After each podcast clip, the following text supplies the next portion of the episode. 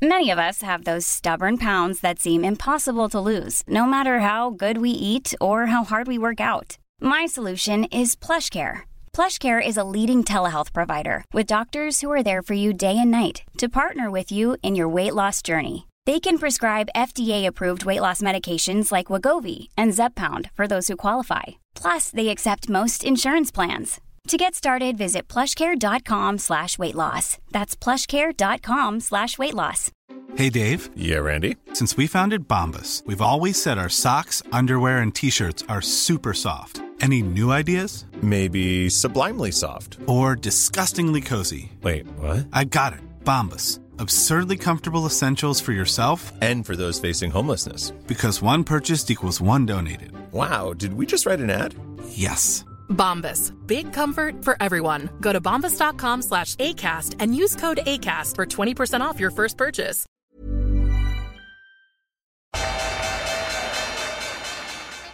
They mistook leverage for genius. Leverage for genius. I would recommend Japan. The governments don't rule the world. Goldman Sachs rules the world. Velkommen til episode 183 av podkasten 'Tid er penger', en podkast med Peter Warren. Jeg heter Sverre, produsent. I dag skal vi snakke litt om markedet. Snakke litt om bullcase, ikke bullcase. Og så skal vi litt, prøve å gå litt mer i dybden på diesel, og i hvert fall se litt hva som skjer der, og eventuelle implikasjoner det kan ha. I tillegg snakke litt om boligmarkedet og en rekke faktorer som Kina og Japan og andre ting. Også litt gråting. Da går vi i gang med episode 183. De siste uka har det vært eh, ganske turbulent i, eh, i, markedet. Mye positivt, men også mange store selskaper som eh, har fått gjennomgå. Har du fulgt med hva som har skjedd? Jeg har ikke sett så mye på selskapsresultatene annet enn på, enn på, på overskriften av dem, så jeg har ikke gått ned og, og sett på det. Jeg har jo sett på Uh, altså det generelle som, uh, som skjedde i, i, i, forrige uke.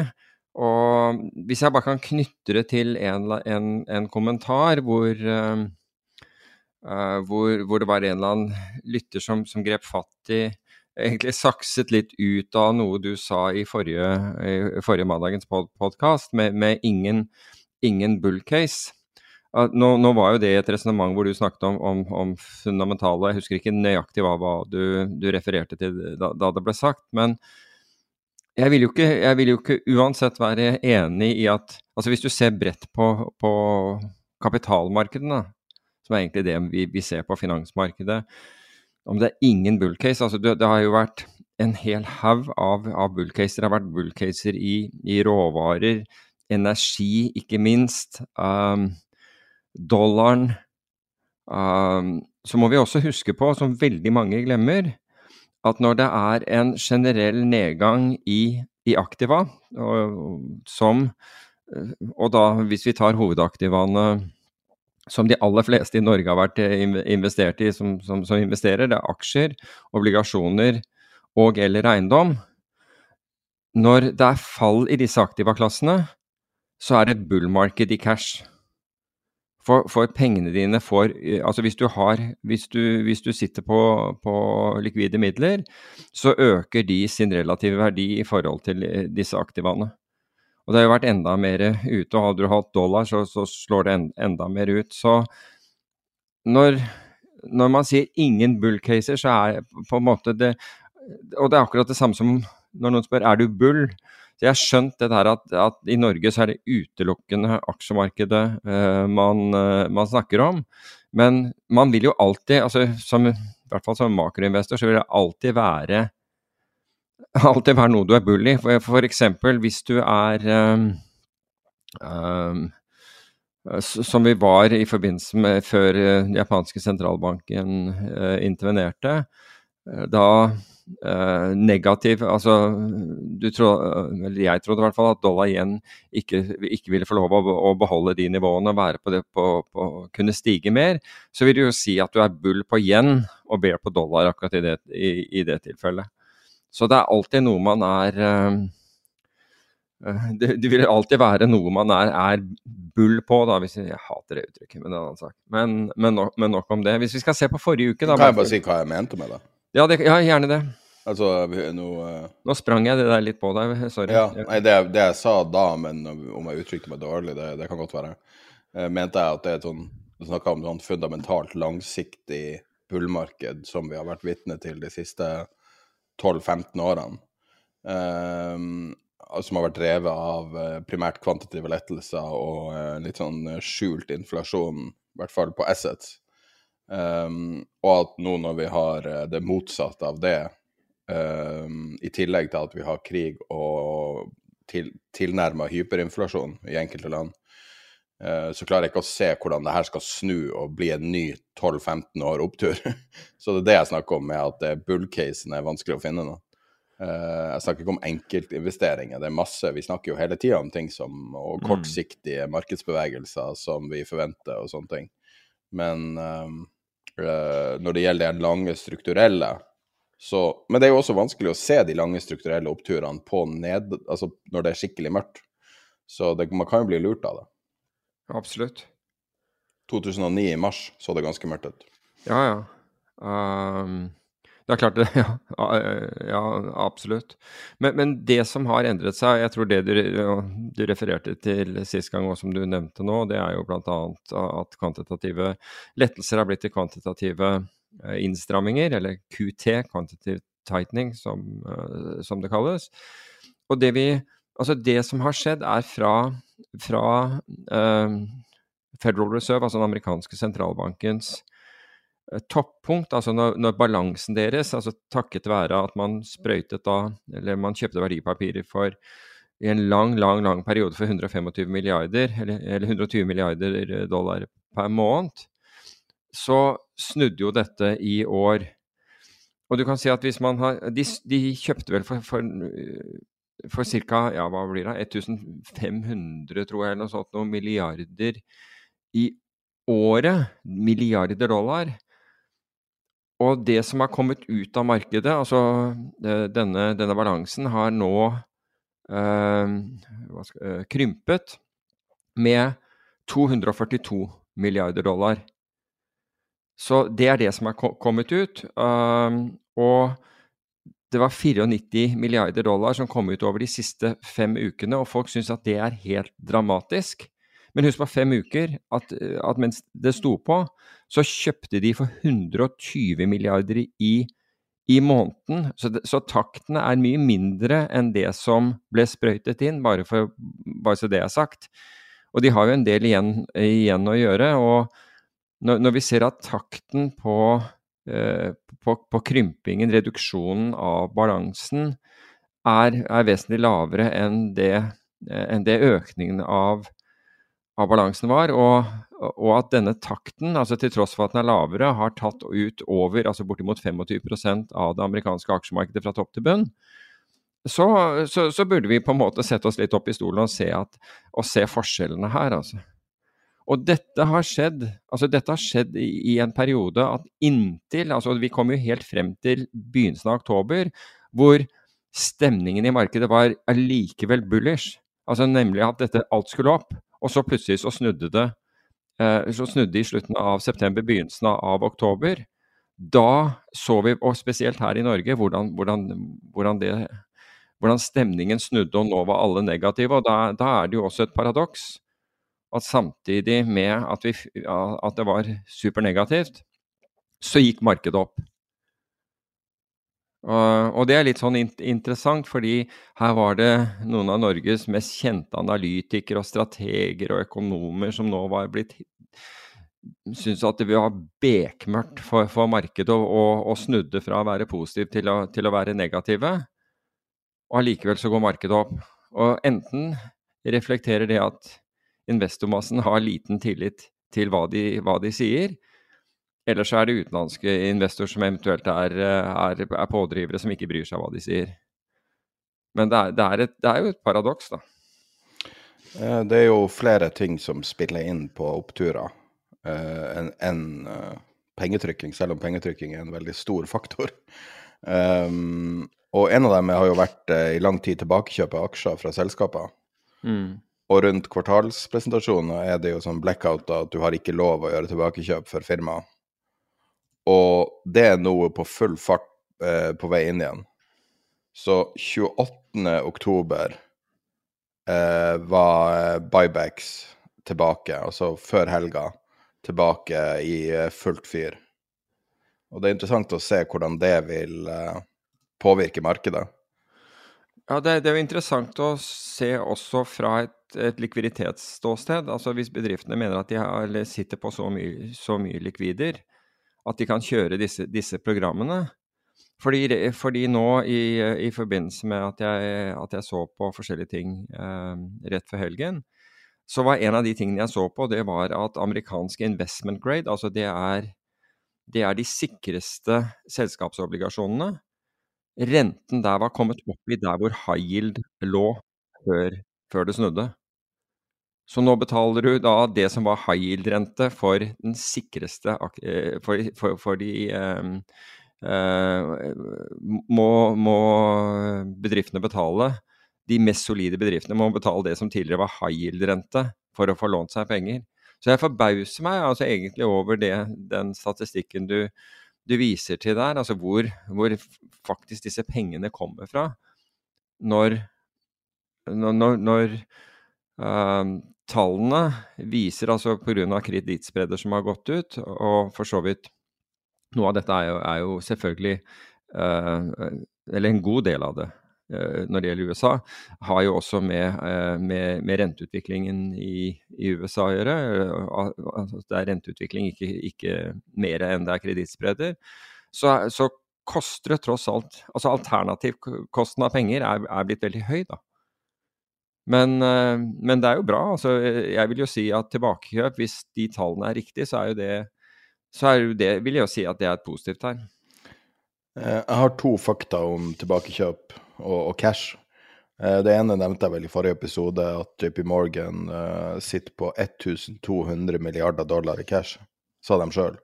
Og er, og er ultra bare så det er sagt, på, på, på utviklingen i markedet, i hvert fall ifølge Jamie Dimon. Ja, selskapet sjøl har jo vært litt sånn blanda i analysene i år. De har jo ofte stukket seg ut med å være optimist når andre er pessimist, mens mm. Jamie Dimon har sine egne meninger. Ja. Men det ene er at uh, du spør hvor pengene er. JP Morgan har masse penger, og det er jo en betydelig del av all uh, eh, QE er jo de pengene. Uh, men uansett, um, en annen ting er Facebook, eller Meta, da. de brukte, jeg tror det var 42 milliarder dollar på det siste året og nå kan det være at jeg bommer litt på noen milliarder, men, men rundt der. Eh, på tilbakekjøp av aksjer eh, på nivåer som da er dobbelt av dagens kurs. Sånn at selv om selskapet gjør tilbakekjøp, betyr ikke det at det er en god idé. Nei da.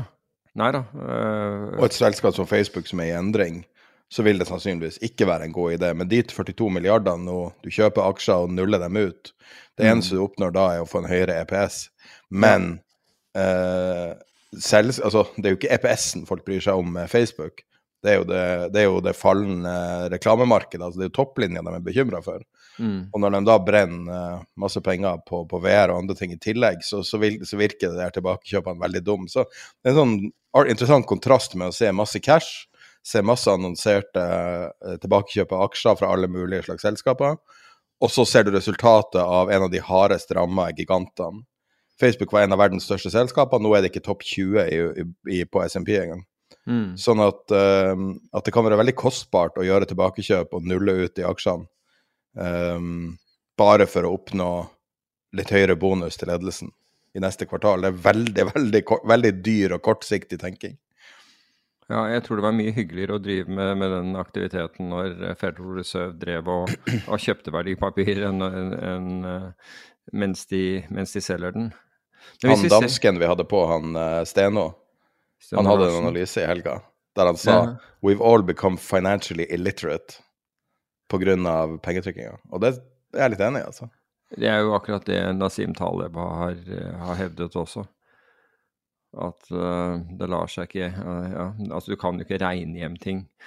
Uh, og spesielt ikke når eller på, på, det tidspunktet hvor, hvor renten var, var, var, null. Det er klart Kosten av penger er null eller, eller negativt. Det er jo absurd, egentlig. Um, Men hvis vi går til de forrige uke, da, siden, siden forrige uke var en, en, god uke, så var den jo spesielt god for i karbonmarkedet, altså markedet for disse karbonsertifikatene som, som, som de som forurenser miljøet, er nødt til å kjøpe det markedet har vært eh, ganske hva heter depressed, eh, svakt i en periode nå. Um, og bakgrunnen for det altså Det falt jo fra over, over 90, eh, 90 euro tonnet og ned til så vidt det var under 60. Dramatisk fall.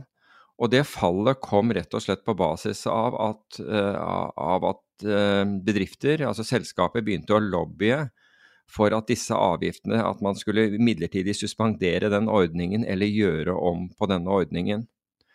Og, og Årsaken til det var jo selvfølgelig de høye energiprisene.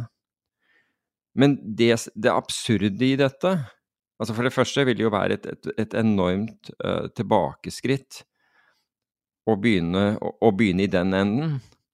Men det andre er at at disse altså karbonkostnadene, altså karbonsertifikatkostnadene, utgjør kanskje 2-3% av prisen på, eh, på, på, på gass og, og, olje. Altså det er ekstremt liten.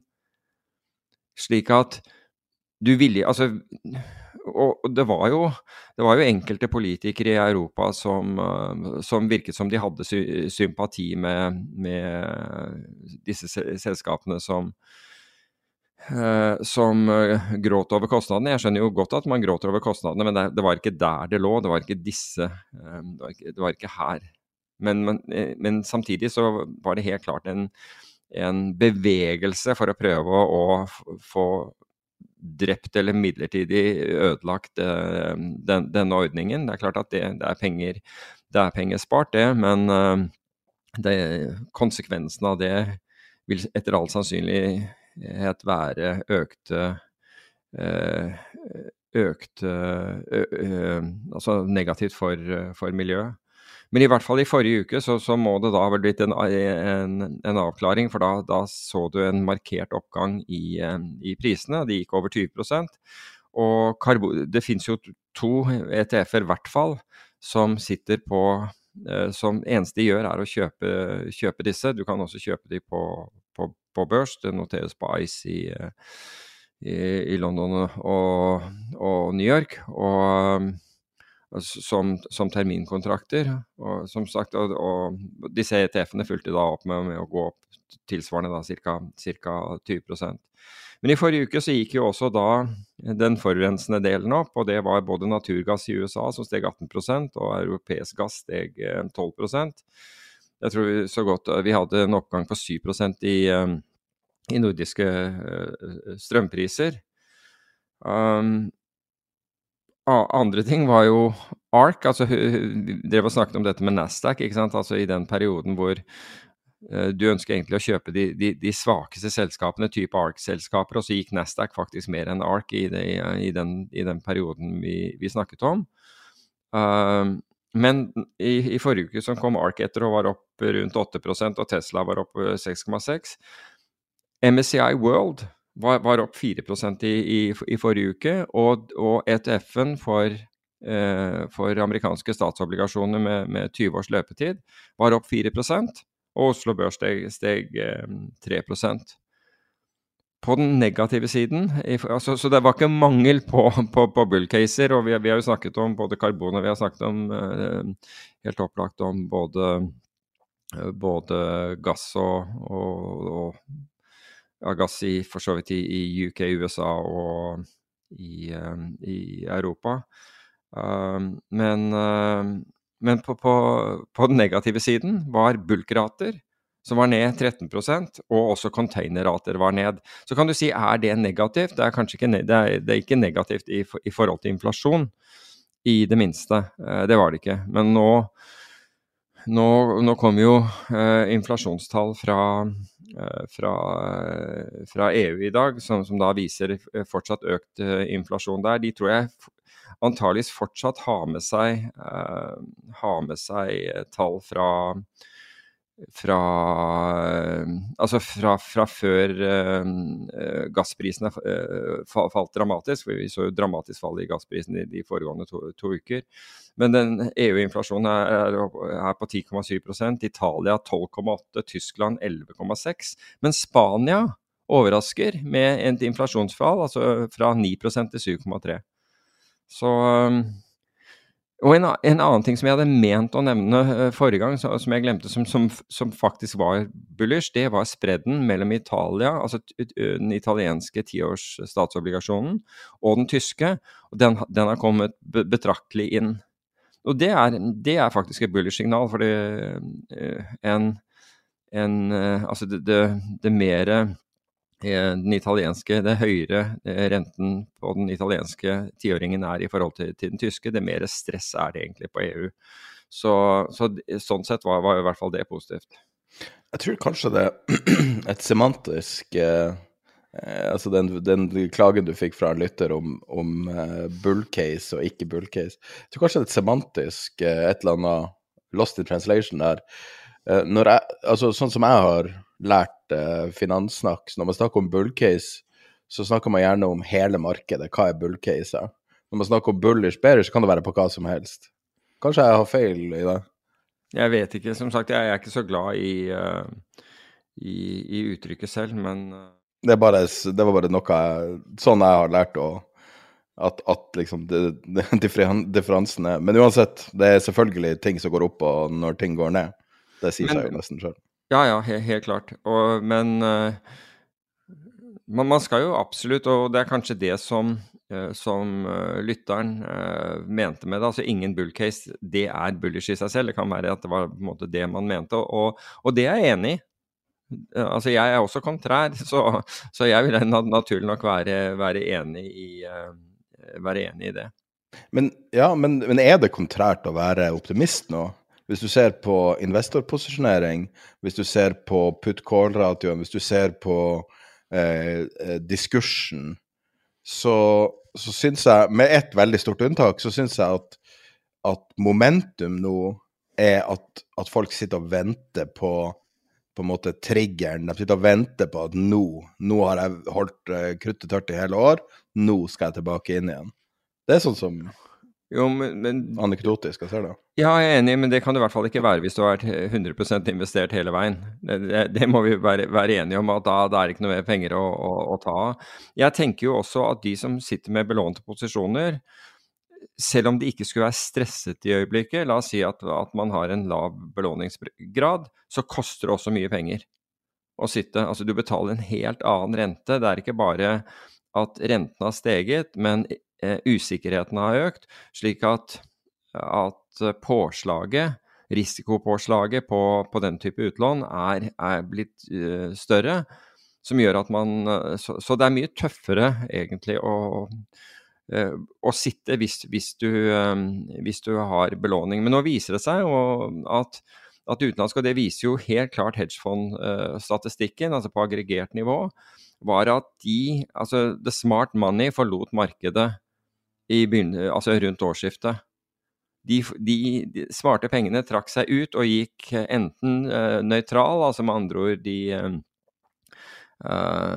de hadde like mange uh, short-posisjoner som long-posisjoner, eller ikke lang-posisjoner, men, men, verdien av, av short-porteføljen var like stor som, som long-porteføljen. Long og så så vi dette med med, med, med, kjøp av, uh, av, beskyttelse til nedsiden gjennom opsjoner. Noen bruker, bruker future-kontrakter, altså ren lineært. Så, så, det er opplagt investorer der ute som kan begynne å ta tak hvis de ønsker beta. Og beta er da markedsrisiko, altså den retningen på, på, på, på markedsrisikoen.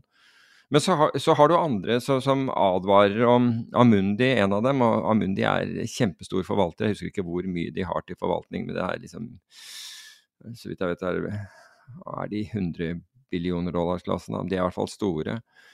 Som advarte i forrige uke mot, eh, mot derivater som ikke var børsnoterte, altså OTC-derivater, type det som Archegos hadde.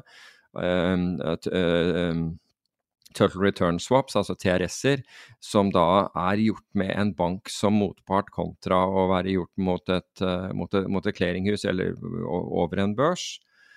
Og de frykter for at det finnes mye slikt der ute. Og det, det, og det oppdaget vi plutselig f.eks. ved da eh, britiske pensjonskasser fikk et likviditetsproblem. Det, dette var ikke børsnoterte produkter, dette var produkter de hadde direkte mot banker og meglerhus, og som da forlangte øh, økt, økt, sikkerhet.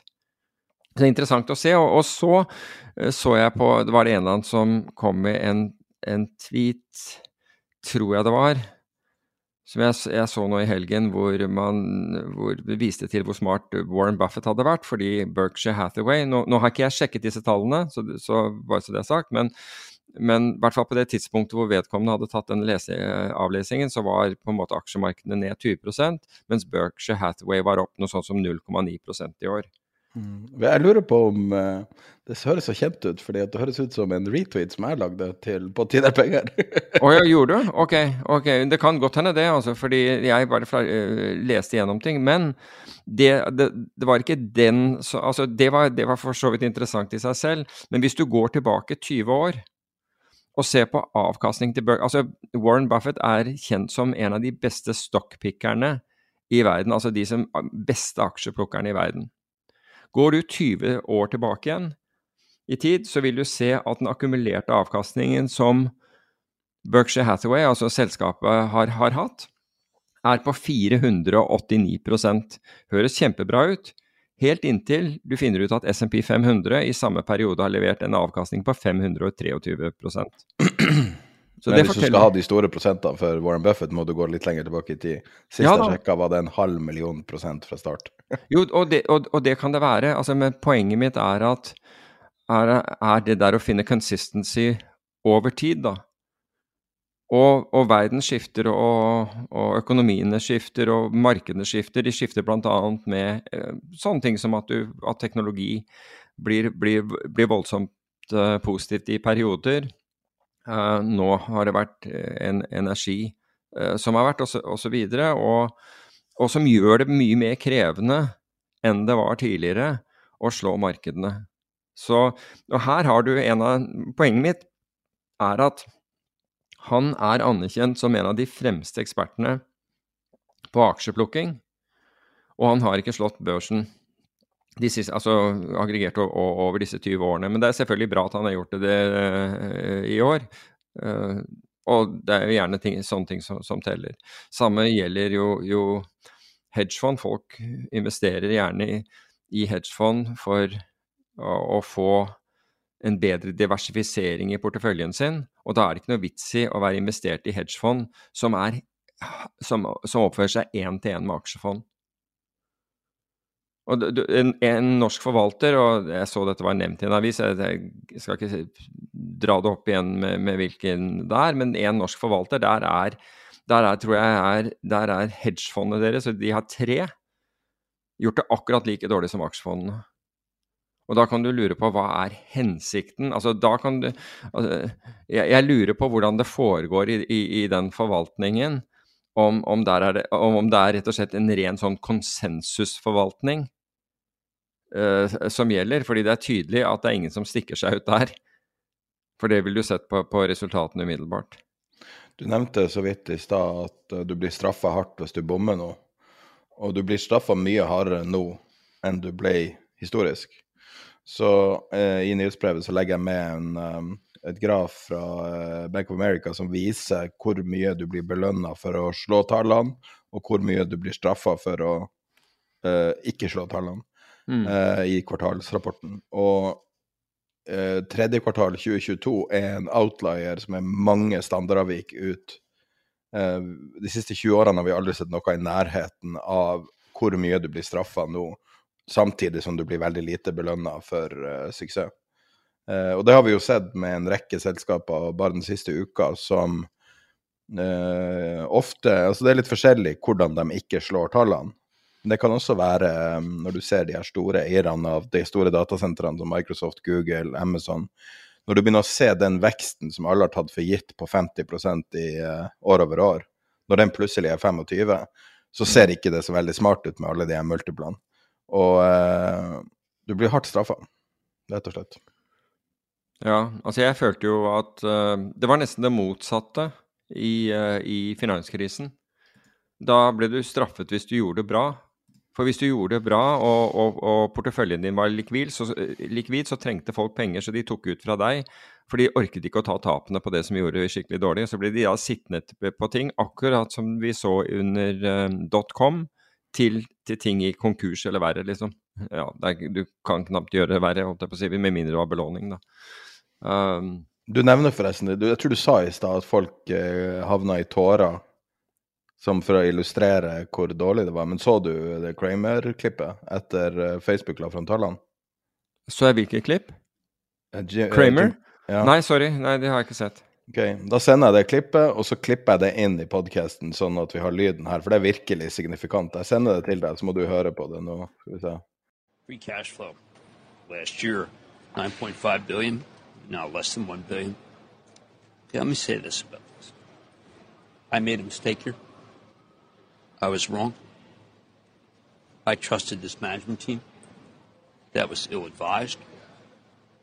Hubris here is extraordinary. And I apologize. Okay. Um, what did you get wrong? Det er, det er, ikke den eh, det er ikke den Kramer vi pleier å, å se, for å si det på den måten. Du vet at en uh, call er dårlig når du begynner å gråte på CNBC. Jeg tror det er første gangen det har skjedd. Ja, den uh, Ja. Jeg, jeg, vet ikke om det er første gang det har, har skjedd. Jeg har sett mye rart på CNBC, uh, men det der var jo spesielt. Jeg, jeg, jeg, må si at jeg definitivt føler empati for Jim Kramer. Han har, han har jo snakka mye på Twitter om at han at han føler vanvittig press, for hele verden revolerer av han. Ok. Og så fortsetter han å gjøre aksjeplukking og fortsetter å gjøre feil, og tilsynelatende ikke lære. Hva tenker deg dem som hører på han, og følger hans råd, når det konsekvent er så galt?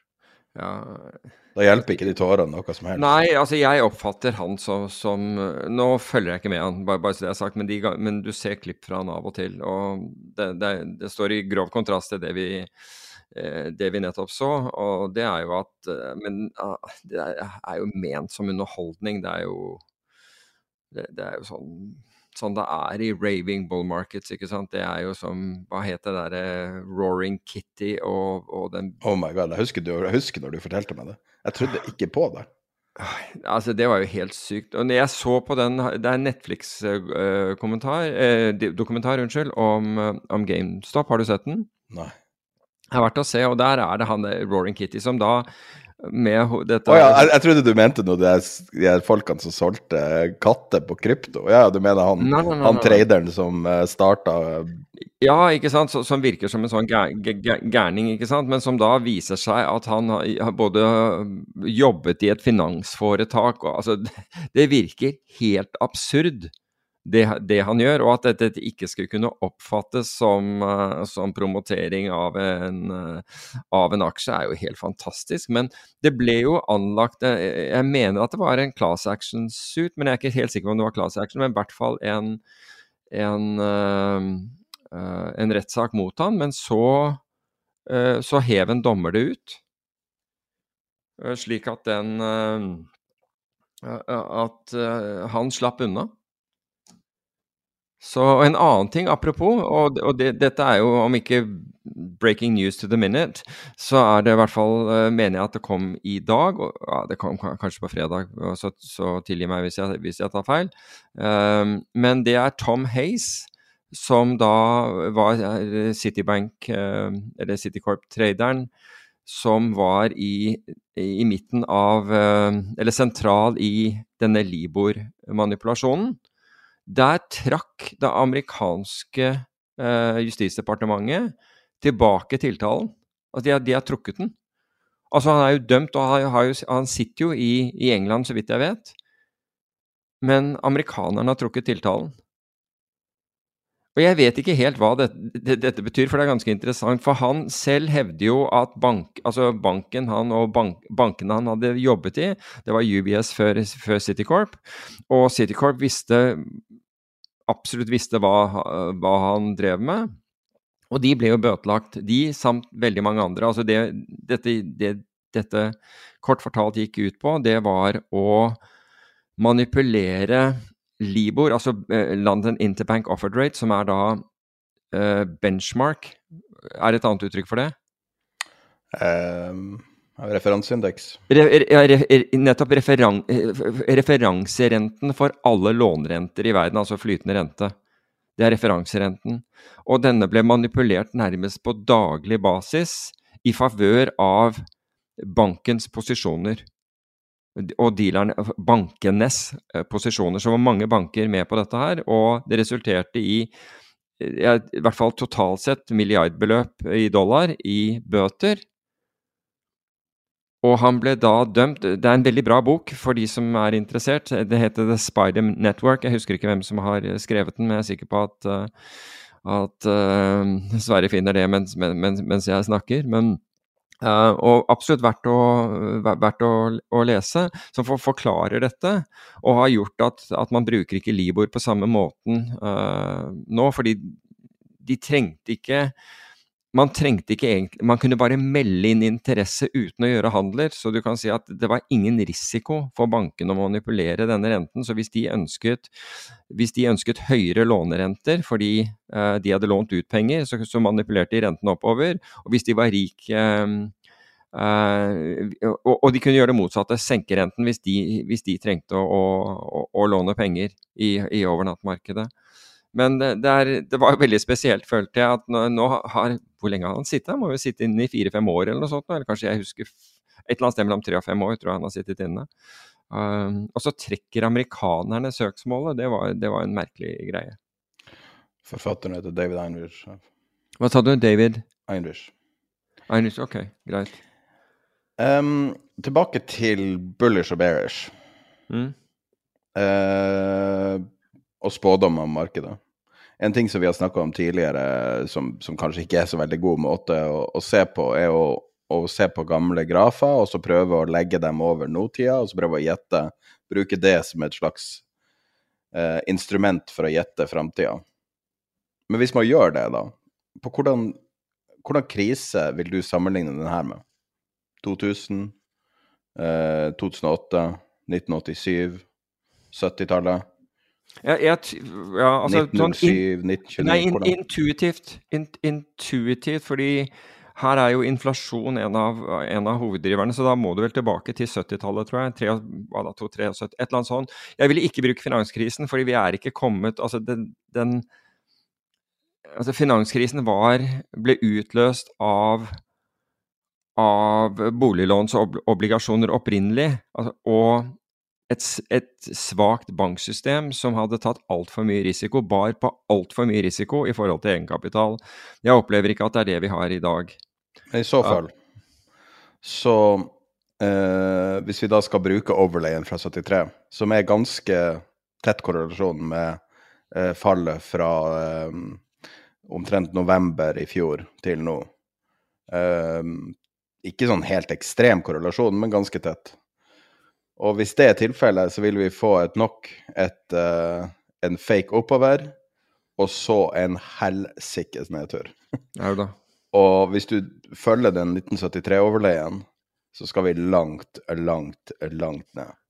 Nå liker jeg ikke overlay som metode, jeg, jeg vet ikke hvorfor Ei. det skal være noe magi i det, men, men det er noe, man kan ikke helt kaste det bort heller. Så.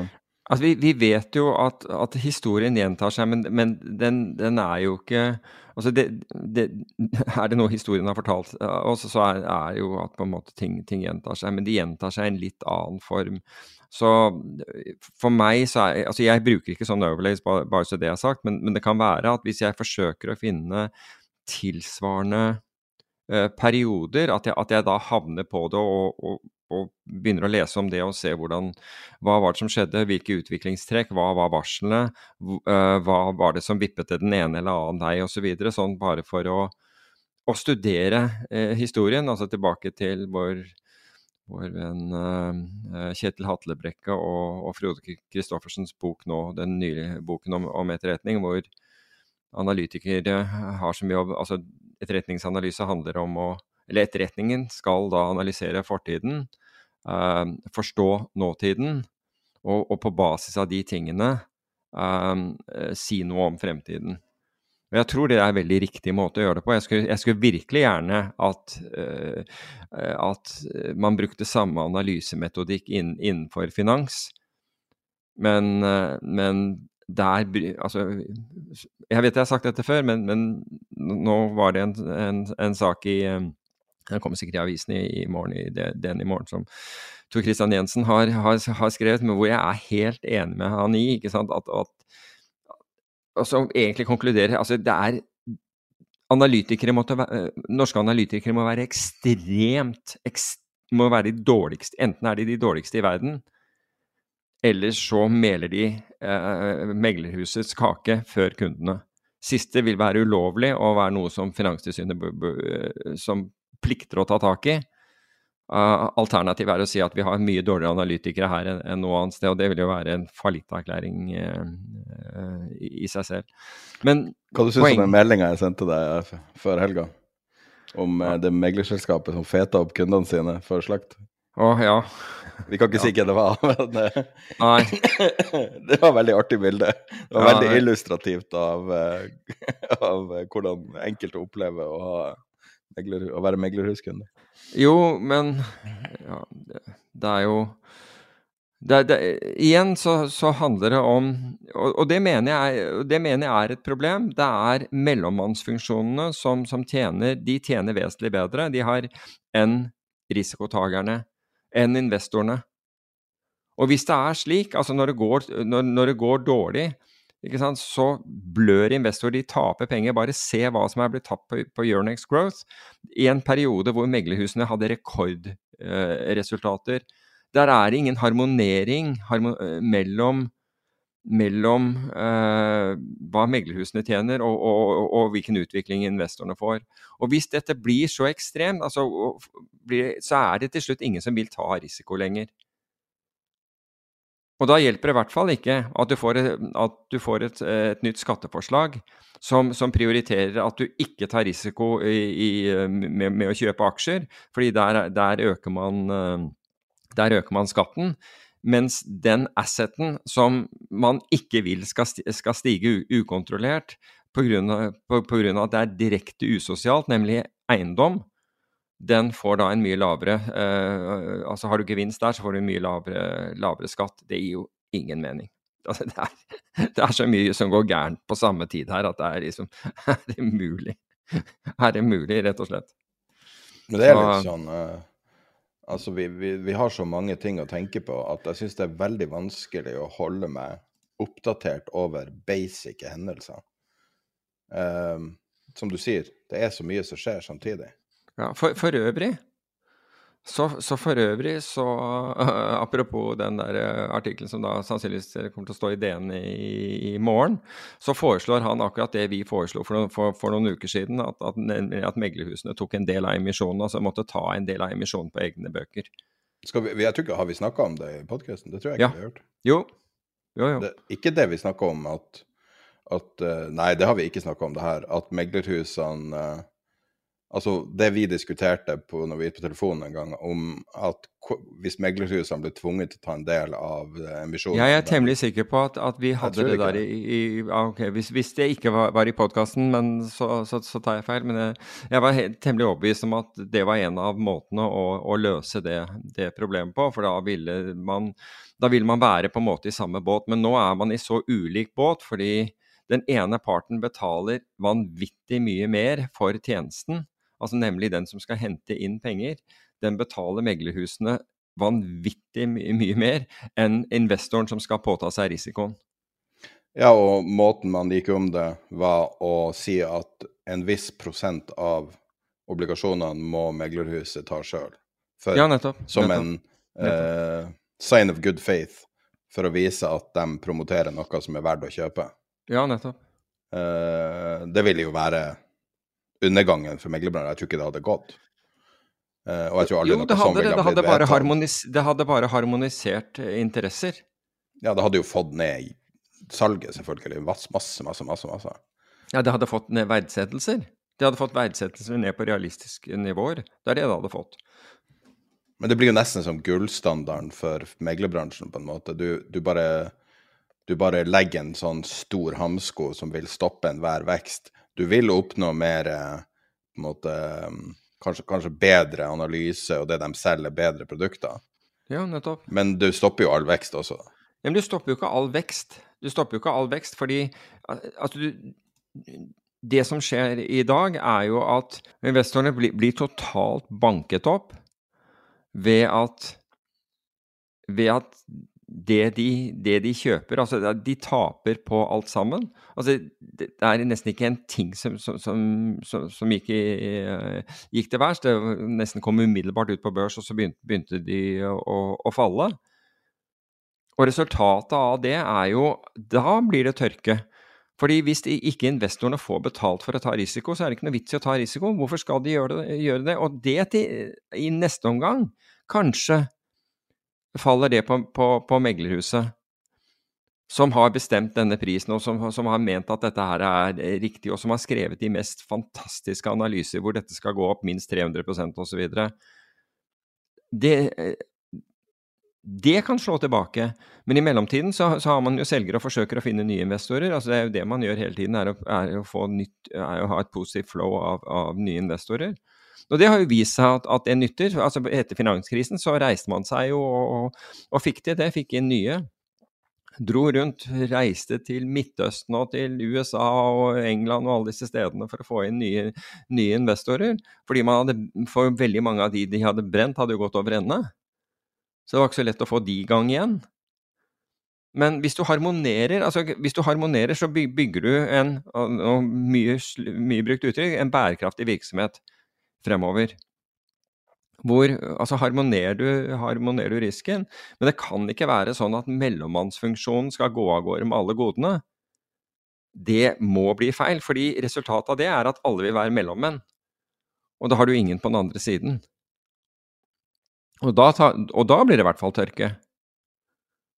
Så men jeg skjønner ikke at eh, altså, Bransjen forstår ikke det selv, fordi bransjen sammenligner seg med andre i bransjen. Og hvis andre i bransjen gjør det og tjener enda mer penger enn dem, så, så er de redd for å miste medarbeidere, så de må egentlig drive med det samme. Dette er, altså, dette er finans i et nøtteskall, og sånn har finans alltid vært. Dessverre. Så Ja, men det, jo, altså, det var jo den store endringa som skjedde når Salman Brothers børsnoterte seg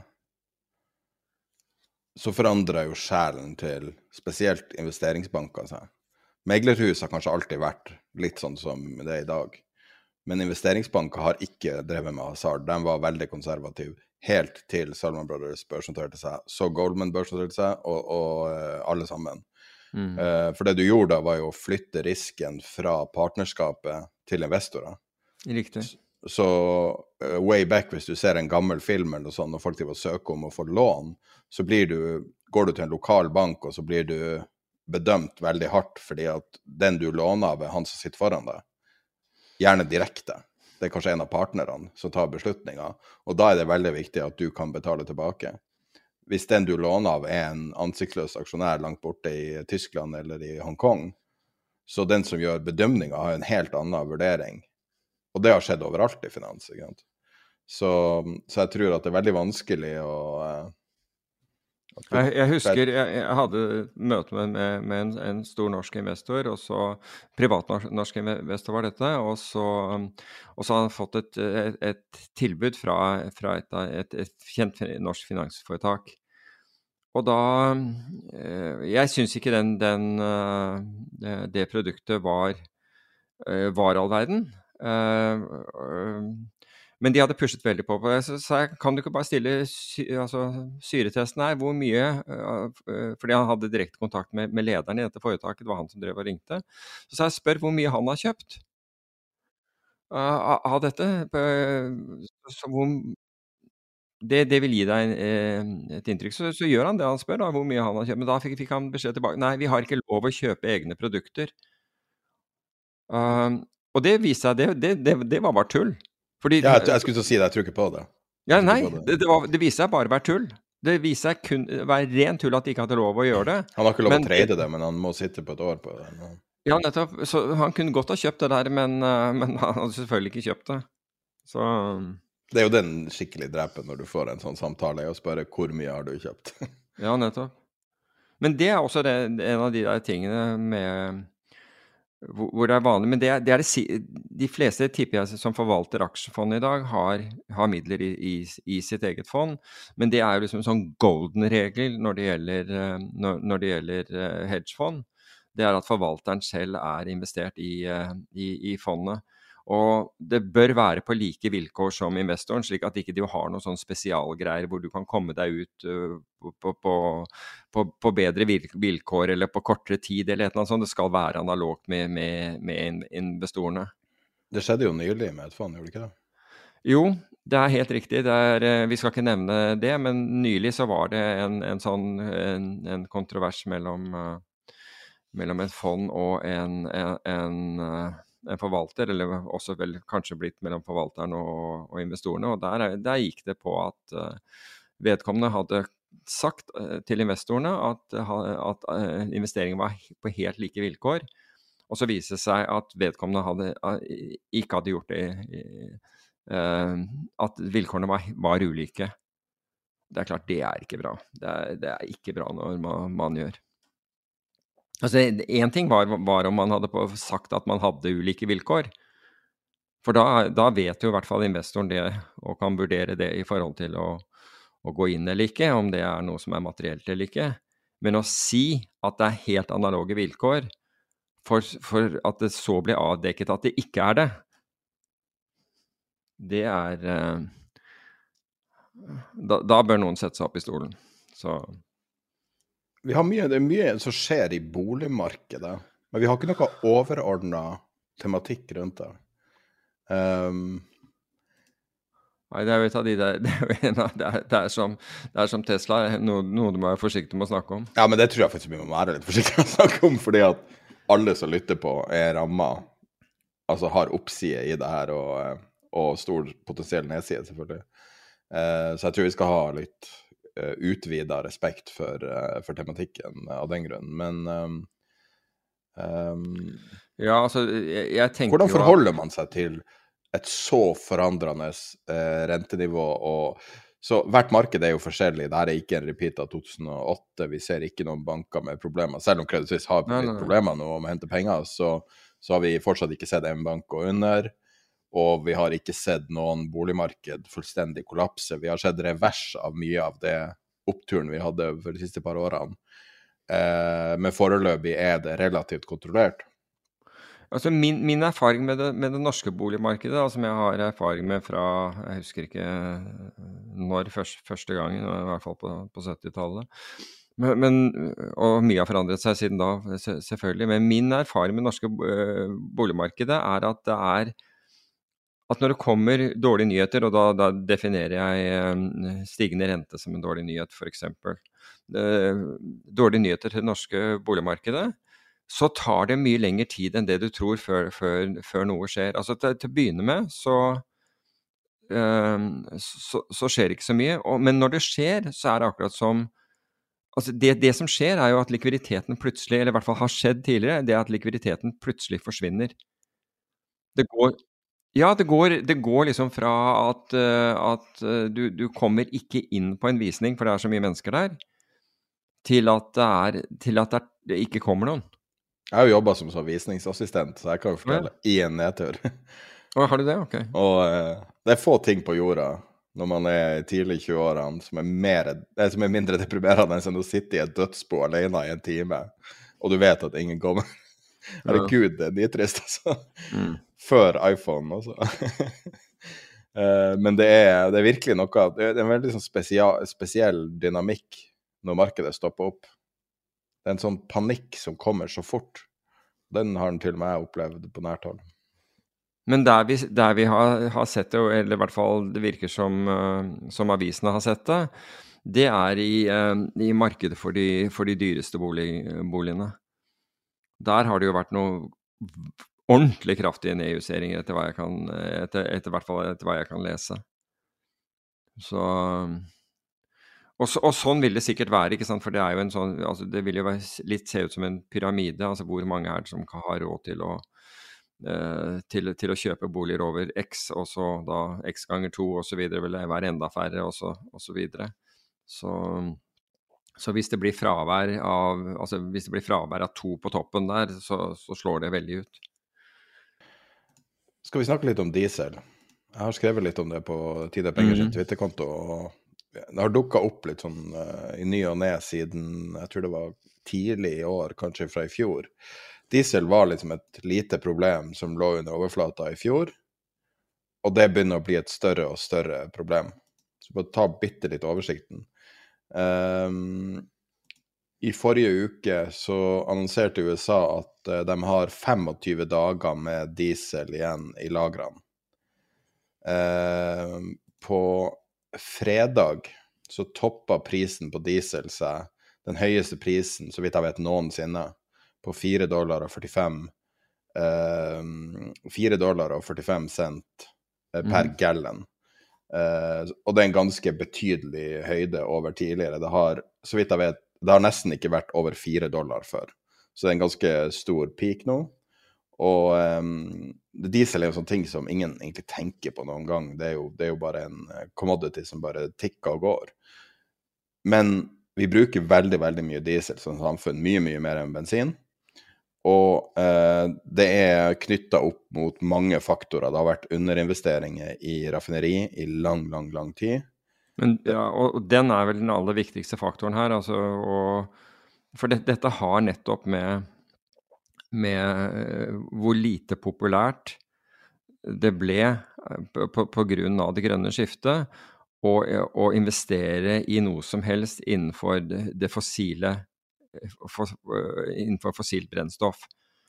Og vi, vi, så det selvfølgelig i, i boring etter, etter, etter, olje, eller søken etter olje, seismikk, all, all den, alt det der. Men, og dette her er egentlig bare en videreføring av den, den kjeden. Og du nevner det, og, det er, og, jeg helt, og, jeg er helt, enig med deg, det har med ingenting bortimot har blitt gjort på eh, raffinerikapasiteten. Og når den går ned, så betyr det at du, du får ikke omdannet da Da får du ikke omdannet råolje til, i dette tilfellet, diesel. Og det er jo det man kaller crack-spredden Eh, forskjellige cracker. Altså man cracker opp uh, uh, råoljen opp i forskjellige produkter. Det er jo det man gjør på raffineri. Um, Goldman anbefaler sine investorer å gå long diesel fortsatt. Mm. Um, på tross av at vi er på veldig høye nivåer. Og jeg må jo si på altså Som investering er det jo for så vidt interessant, men det minner litt om uran. Det her. Det minner litt om um, et marked som du ikke kjenner noe til, som blir veldig hett, og plutselig begynner alle å snakke om det. Så det er litt sånn faretruende uh, som investering. Nå, nå er jo ikke det en spesielt lett investering å gjøre. Du må jo for det første inn i futures-markedet primært. Uh, og så er det jo masse forskjellige produkter, så det er veldig lett å trå feil når du er på, på ny grunn. Men en annen faktor er jo at diesel er jo en del av uh, eh, KPI-tallet i USA ja. og Norge. Så det her slår rett inn på inflasjonen.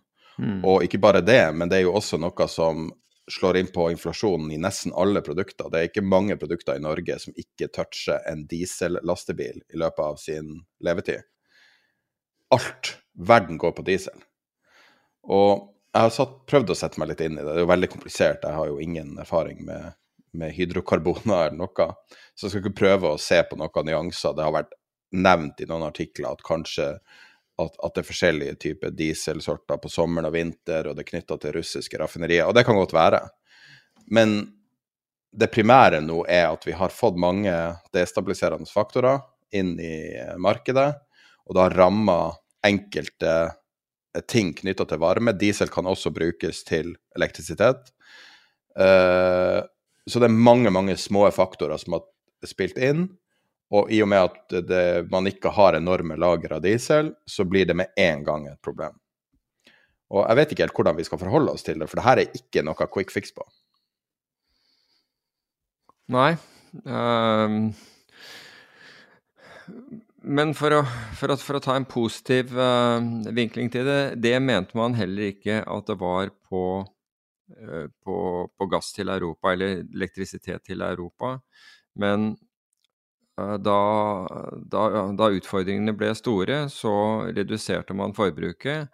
Og selvfølgelig så fikk man tilført fra, fra, fra Norge og, og, og også LNG. Så jeg er positiv på verden, for å si det på den måten, at verden vil klare å, å gjøre et eller annet. Men det er klart, diesel har veldig mye med, med, med, altså med transport å gjøre. Og skal man få Man, man, kan, man har ikke noe substitutt for, eh, for, for, for, diesel i, i, i, tungtransport. Altså Nicola er ikke et alternativ, så vidt jeg skjønner. Um, har han fått 30 år fengsel nå, eller hva, hva det er han har? Han, eh? ja, det var vel et eller annet sånt. Men, uh, men um, nå kommer jo, kom jo den der el-lastebilen til Tesla og redder verden. Det er jo helt fantastisk. Ja, Nå snakker vi om den som skulle komme for tre år siden, eller noe sånt. Nå, som var bare noen måneder. Ja, ja, jeg hører jo stadig det akkurat. Men, eh, men, det samme har jo vært den uh, autonome Altså autopilot den selvkjørende e, enheten som hele tiden bare var Som også er i fem år nå. Den har bare vært noen måneder unna og ikke, ikke, levert. Jeg husker jo jeg husker lanseringen av den uh, trucken, men, uh, men, men, nok om det. I hvert fall til uh, Det er jo ikke noe alternativ uh, for, for å, å, frakte, og det er jo det, det, er, ikke, det er, ikke, som enkle skip hvor du, hvor du kan bruke bruke råolje for, for, for, å drifte det hvis, hvis, hvis, du går tom for, for bunkers. Så men det er litt sånn, det er litt sånn annet problem. Tenk deg strømbruddet i Ukraina, f.eks. Nå er det jo heldigvis 30 grader i Genova og 18 grader i Ukraina, så av en eller annen grunn. Jeg vet ikke mm. om man kan bli religiøs av å tro. Det her er sånn eh, spirituell eh, Hva heter det Hva heter det når Gud stepper inn og gjør en Divine intervention. intervention. Ja, Divine det virker som at det er Gud mm. mot Putin akkurat nå, men mm. um, med gass så, så, var det jo primært for oppvarming av hjem, og det er primært for oppvarming av hjem at det er et problem, fordi at vi har gasskraftverk. Og, men det som er tingen, er jo at det går greit om strømmen går hjemme i ei uke, i en måned. Du overlever det. Du kan pakke deg inn i dyne, og du overlever det. Problemet med diesel det er jo at alt du trenger for å overleve i en by, f.eks., kommer inn til byen med diesel. Mm. Så det overlever du ikke. Så det er det som er så ekkelt, og det som er så ekkelt, er at, at vi har liksom ingen substitutt. Det er på en måte lender of last resort energimessig. Fordi at vi har putta oss i en situasjon der hele verden går på diesel. At jeg lurer på om det er seks ganger så høyt forbruk av diesel som bensin, eller noe i den duren. Mulig jeg tar feil på det tallet, men, men, det er et mye høyere forbrukstall. Fordi at alle lastebiler Alle de tingene vi aldri tenker på som er logistikk. Og nå har vi endelig løst den der shipping-logistikken med høye fraktpriser fra Kina. Problemet nå alle fabrikker forlater Kina. Nå trenger vi ikke Kina lenger. Apple er på vei ut av Kina, alle er på vei ut av Kina. Og mm. nå har vi problemer mye nærmere. Ja, så Dessverre må vi lære oss litt om crackspreaden, tror jeg. må få en tjus og lære oss opp. Um, ja, altså det er vel bare Mongstad, er det ikke det, i, i Norge som, uh, som raffinerer diesel. Og så vidt jeg vet, så går nesten all den uh, Altså den, den, det, man, det man produserer der, vil ikke, vil ikke dekke Vil kanskje dekke halvparten av norske forbrukere, eller, eller, noe sånt, men, men det, det, eksporteres jo i vesentlig grad uh, ut av, av, Norge. Så vi må jo få dieselen vår fra, fra utlandet selv, altså få, få den inn igjen. Uh, så det er vel ikke helt uh, helt rasjonelt, men det er, det, er, det er, sikkert noen som har tenkt uh, på hvordan dette skal, dette skal, gjøres. Men som med det europeiske strømsamarbeidet som slo tilbake så veldig hardt i fjor og i år. Så får vi jo også da diesel. Vi, vi har liksom aldri tenkt på at det kunne gå galt. Det virker mm. ikke som at det er uh, Nå er det vel sånn at diesel ikke kan lagres uendelig, så man kunne ikke ha hatt strategiske lager av det, tror jeg. Men ja, jeg, jeg, er, jeg, er, ikke sikker på om Altså, uendelig er, er, nok helt riktig, men jeg tror at uh, Er det ikke noe slik at, må, at, det må tilsettes et eller annet stoff hvis diesel lagres lenger enn eller noe sånt noe? Det står her at det er seks til tolv måneder du kan lagre, okay. du kan lagre okay. diesel. Mm -hmm. Men det fins helt garantert en måte å gjøre det på, men det er det som jeg kommer opp når jeg bare søker på det. Um, men det er i hvert fall et, et, problem som jeg ville ta opp. Jeg hadde lyst til å ha mer svar på mer detaljer. Dessverre så Ideen kom i helga, så det var litt for seint. Men, um, men hvis du ser på det Goldman sier nå, det er et problem. Og det er et ignorert problem. Og det kan jo være Altså vi har, vi har, snakket jo om at systemet altså Foreløpig så har man jo klart seg. Altså Vi har klart oss til tross for at uh, beslutningsprosesser har vært dårlige og tatt lang tid og hele greia. Så, så, har man for det meste Ikke alle, det er helt klart. Og, og det, her skal jeg være forsiktig, fordi jeg har stor sympati med, med den delen av næringslivet som ikke får det til, til å gå rundt, altså, eller som, som, det går rett i, i kjelleren for pga. De, de, de økte strømprisene. Og, og, det er ikke bare en act of God som plutselig gjør det, det var en act av, av politisk ignorans når man, når man, eh, begynte å utvide eh, eh, kablene, altså eksportkablene, til, til, til andre land. Men dette kan jo Men vi har vært inne på at systemet er, vært, er sårbart her, fordi man er så strukket på veldig mange ting. Og, og dette med beslutningsprosesser som, som, da tar lang tid, det som vi nå erfarer fra fryktelig lang, lang tid altså hvor, Hvis det da skulle komme noe som vi ikke har tenkt på Og jeg begynner jo å lure på Men nå har jo dieselen kommet sigende, da, for å si det på den måten. Dette dieselproblematikken har kommet sigende, så forhåpentlig så har man gjort noe annet enn å følge nøye med når det gjelder det. Uh, og, og, og, og, faktisk begynte, begynt, å tenke tiltak hva hvis. Um, men det er jo akkurat uh, denne type ting som kan bli en, en sort svane, og, og, som vi burde ta høyde for. Ikke bare nå, vi burde ta høyde for det i gode, i, i gode tider også, men, men, nå er vi på en, liksom, en strukket situasjon hvor økonomien til veldig mange er ekstremt strukket allerede. Og vi, vi vil være desto mer sårbare. Og Det er jo også årsaken til at man, man høyner beredskapen og øker, øh, øker den når det gjelder, øh, når det gjelder gassleveranser, både inn fra, fra, fra plattformer til, til, til, til, Norge, men også, også eksport.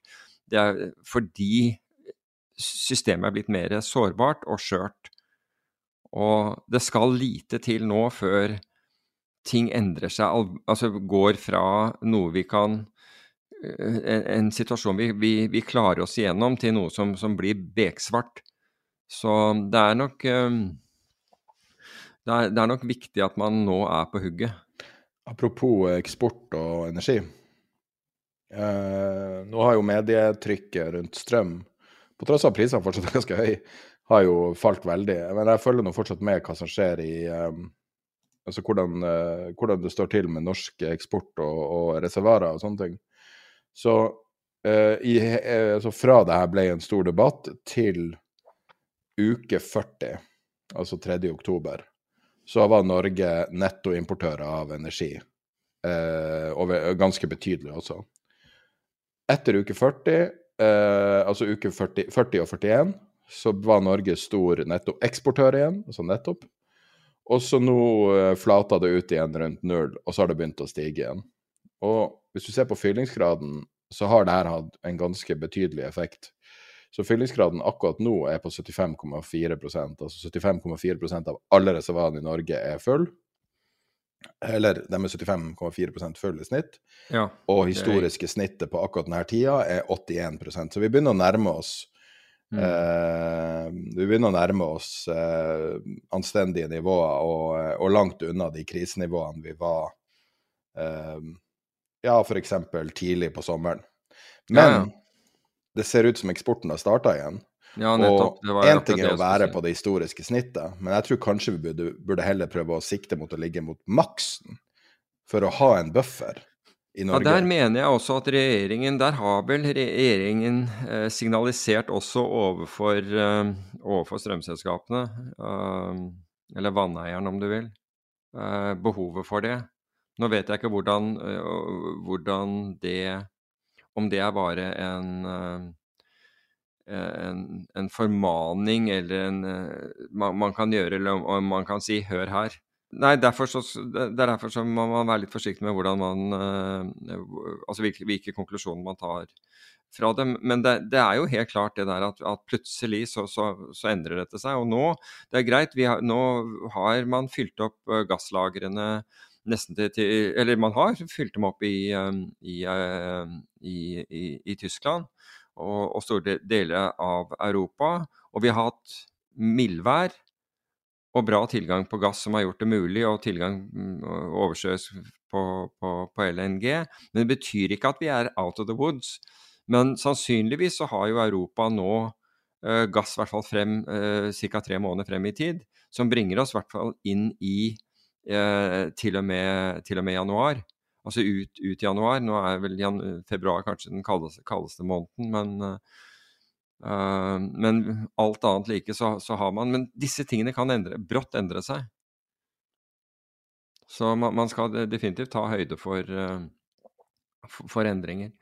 Så, men det er artig å følge med på ting når folk bare glemmer det med en gang nyhetsbildet endrer seg. Også. Det er jo veldig viktig at noen følger med også, tror jeg. Fordi at hvis jeg begynner bare å eksportere strøm for harde livet ved første øyeblikk, første mulighet, ja. så er det viktig å, å, å rope i uh, Altså rope alarm, da. For ja, det her er ikke vi, over. Nei, jeg tror heller ikke det. Og, og det at gasspriser falt uh, 60% fra, fra, toppen, det er selvfølgelig veldig bra. Uh, at det skjer, altså sånn fra et økonomisk ståsted for, uh, for, Europa, har også påvirket Norge i og med at da at, at strømpriser har, har, gått ned. Men, dette, men men det er, det er, fra nå utover. Nå begynner det å bli kaldt. altså Nå kommer det snart til å bli kaldt, og det er da, vi, det er da utfordringene kommer.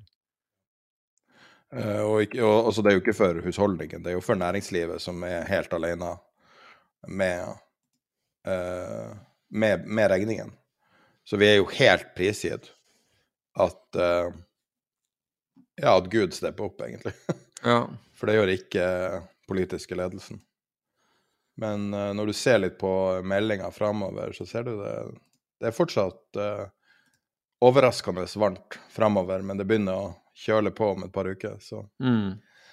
uh, det begynner å bli prekært. Og når det er, så vidt jeg skjønner, så bygger ikke de reservoarene seg så mye etter snøen kommer. Så det er veldig tidlig tidspunkt å begynne å eksportere strøm nå, syns jeg. Ja. Ja.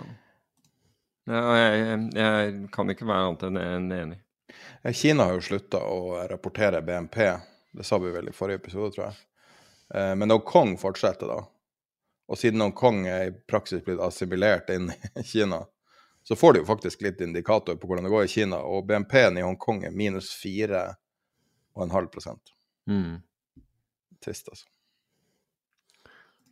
Ja, Det som er skummelt med, med, med, Kina, er jo ikke bare Kina som isolert sett, men, men Kinas betydning for, for, for, verdensøkonomien og vekst i, i, i, verdensøkonomien. Så hvis du tar Kina ut her, så er det klart at det har en voldsom betydning. The Economist skriver nå i siste utgave om uh, hvordan Apple forlater Kina, eller er i ferd med å forlate Kina. Jeg legger mhm. med den linken til det og, og masse annet i nyhetsprøvet også. Um, så du reaksjonen på politikere som måtte betale skatt? Ja. Det var en uh, lytter som hadde en utrolig bra kommentar på den. Da var det en Anette Trettebergstuen, mm. som en av 38 politikerne. Og da sa hun eh, jeg betaler selvfølgelig uten å mukke. Og så bruker hun masse tid på å mukke. jeg syns det var ganske fint. Um, for det er litt annerledes når skatten rammer deg i praksis enn andre i teorien. Det føles litt annerledes. Jo, men det, det, det, det samme gjelder, det, samme gjelder, gjelder innetemperatur. Det er som jeg sier, skru ned til tolv grader i Stortinget, og, og, det vil ikke være noe strømkrise. Så enkelt, så enkelt er det. Så, ja, men jeg, jeg mener altså når du har når, når, Hvis ting ikke går utover deg, så har og, og, og du i tillegg mangler, mangler empati, da da bryr du deg ikke så mye. Men hvis, det, hvis, det, hvis du sitter der og, og hutrer så, og, tar kalde dusjer og Det, det er litt sånn det er interessant du, når, når, du snakker med folk. Du, du, ja, du husker du den der Husker du når man kom inn på badet om morgenen og det var, det var varme i gulvet? Ja, ja. Det var, det var, før, det var før Arbeiderpartiet og Senterpartiet, det. Ja, ja, da, ja, da. ja, jeg husker det der. Det er litt sånn, sånn svakt minne du har. Husker du Hadeland glassverk? Ja, ja Hadeland glassverk, ja. Det var før de fikk 40 millioner i uh, strømregning. Den det motparten sånn, deres er staten. ja. Så Husker du Choice? Ja. De eksisterer fortsatt. ja.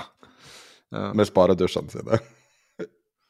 Jeg visste ikke at de hadde det. For har du hørt om de sparedusjene? Det ble helt legendarisk for lavt. Um... Oh, ja, nei, jeg har ikke det. Petter Stordalen jeg... fikk uh, en sånn uh, det, var en, det, var en, en artikkel for 15 år siden i avisen uh, om at han hadde 15 biler, 15 sportsbiler, eller noe sånt. En helt sånn absurd mengde dyre miljøuvennlige sportsbiler. Og så mm. neste dag så innførte han uh, uh, sånn uh, sparedusj på alle hotellene. Og etter det så begynte folk å være helt grusomt, fordi at det var nesten ikke vanntrykk på badet. Nå er det 15 år siden, så jeg vet ikke om det har endra seg.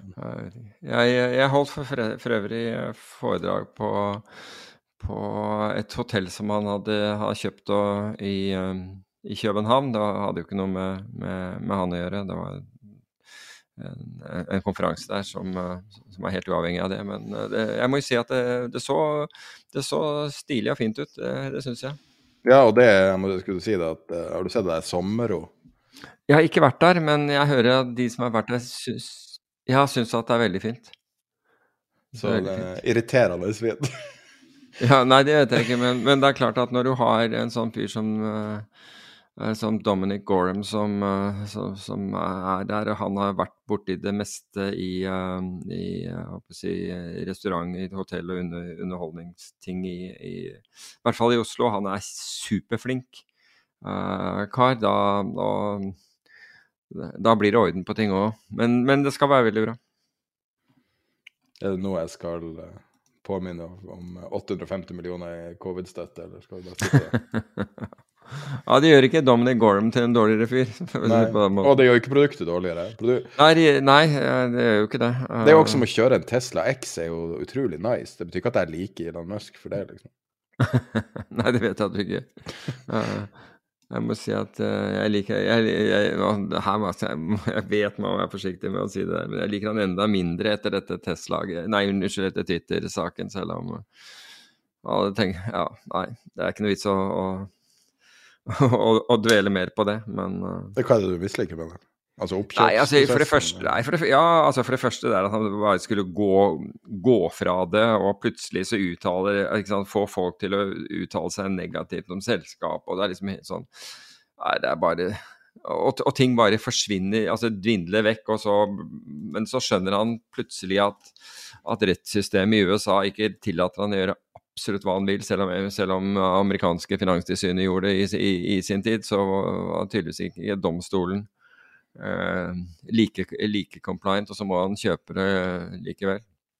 Da er det jo selvfølgelig det er jo første dagen du gjør, er å sparke de som, uh, de, de, som jobbet, jobbet mot deg. Ja, ja. Jeg vet ikke. Har det vært noen så folk med så mye makt i så mange forskjellige kategorier samtidig som de har, har tittelen 'verdens rikeste'?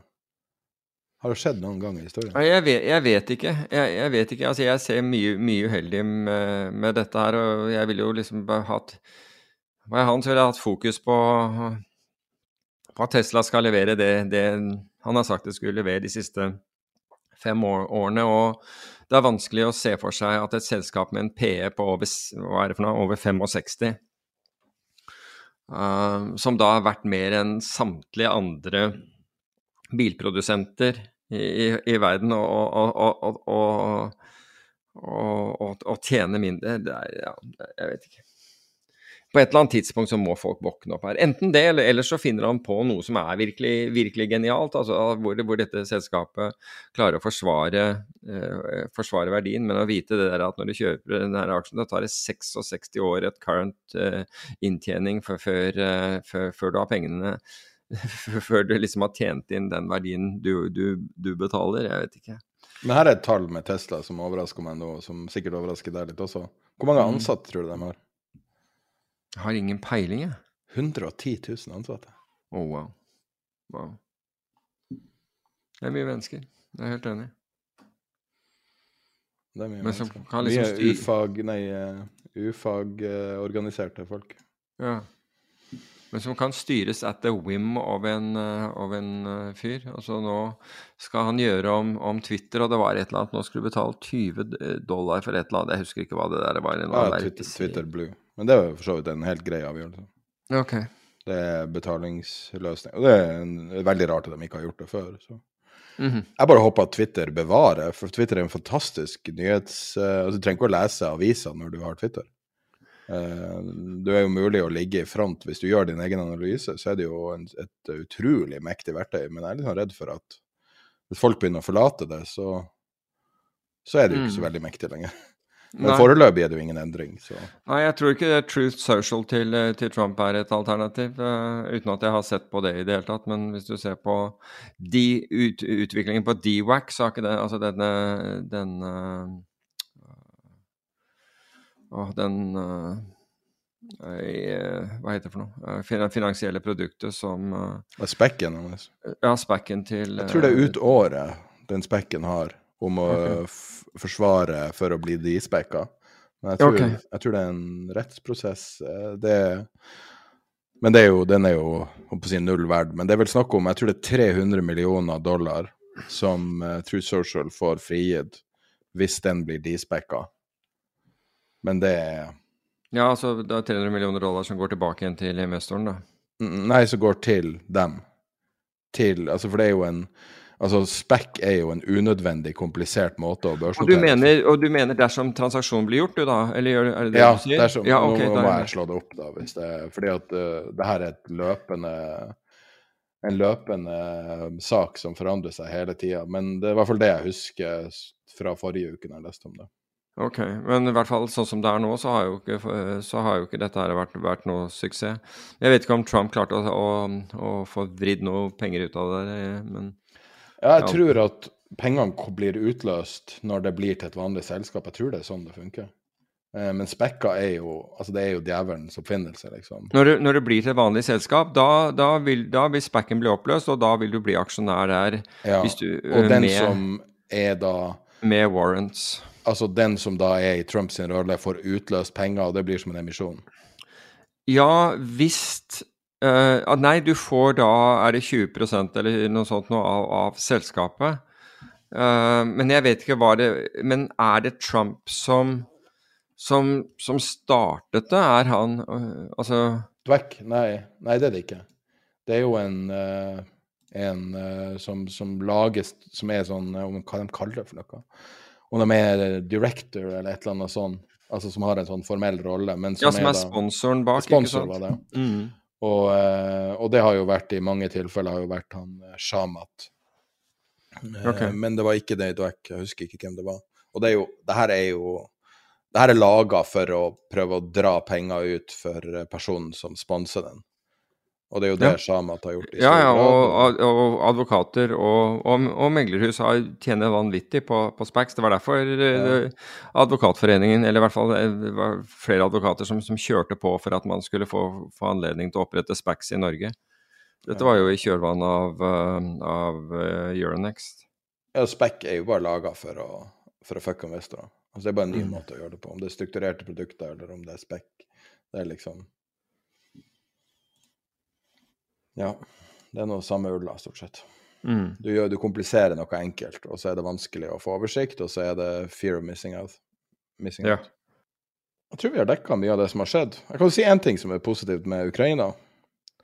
Det er jo det at Russland har satt ned foten for hveteeksport og gått tilbake på den avtalen. Men skipene strømmer ut av havna. Og det er jo ikke ukrainske skip. Så Russland har et lite problem med hvordan de skal håndheve det her. Dette er jo praksis Nato-skip. Det er jo ikke Nato, da, det er vel private skip, men jeg tror nok det dekkes av uh, Nato. Ja, det vet jeg ikke om det gjør. Men uh, hvis, når de backer ut av denne altså de, de, må jo melde inn disse skipene ut og inn og hele greia. Men er jo, flere har jo blitt stående fast i, i Tyrkia. For det er visst noe sånt som at, at, russerne skal få lov å inspisere skipene osv. Men de, det er klart, du ser jo hveteprisene hoppet opp 7-8% i dag, dag morges på, på, på, nyheten. Så dette er jo en intensivering og en inflasjons... Uh, no, noe som påvirker inflasjonen. Så ja, så, så, så, sånn er det. Men da tror jeg kanskje vi er ferdig med episoden. Uh, og vi kommer tilbake med spørsmål og svar på Patron denne uka. Yes. Ses neste uke. Hey, it's Paige DeSorbo from Giggly Squad. High quality fashion without the price tag. Say hello to Quince. I'm snagging high-end essentials like cozy cashmere sweaters, sleek leather jackets, fine jewelry, and so much more. With Quince being 50 to 80% less than similar brands. And they partner with factories that prioritize safe, ethical, and responsible manufacturing. I love that. Luxury quality within reach. Go to quince.com slash style to get free shipping and 365-day returns on your next order. quince.com slash style.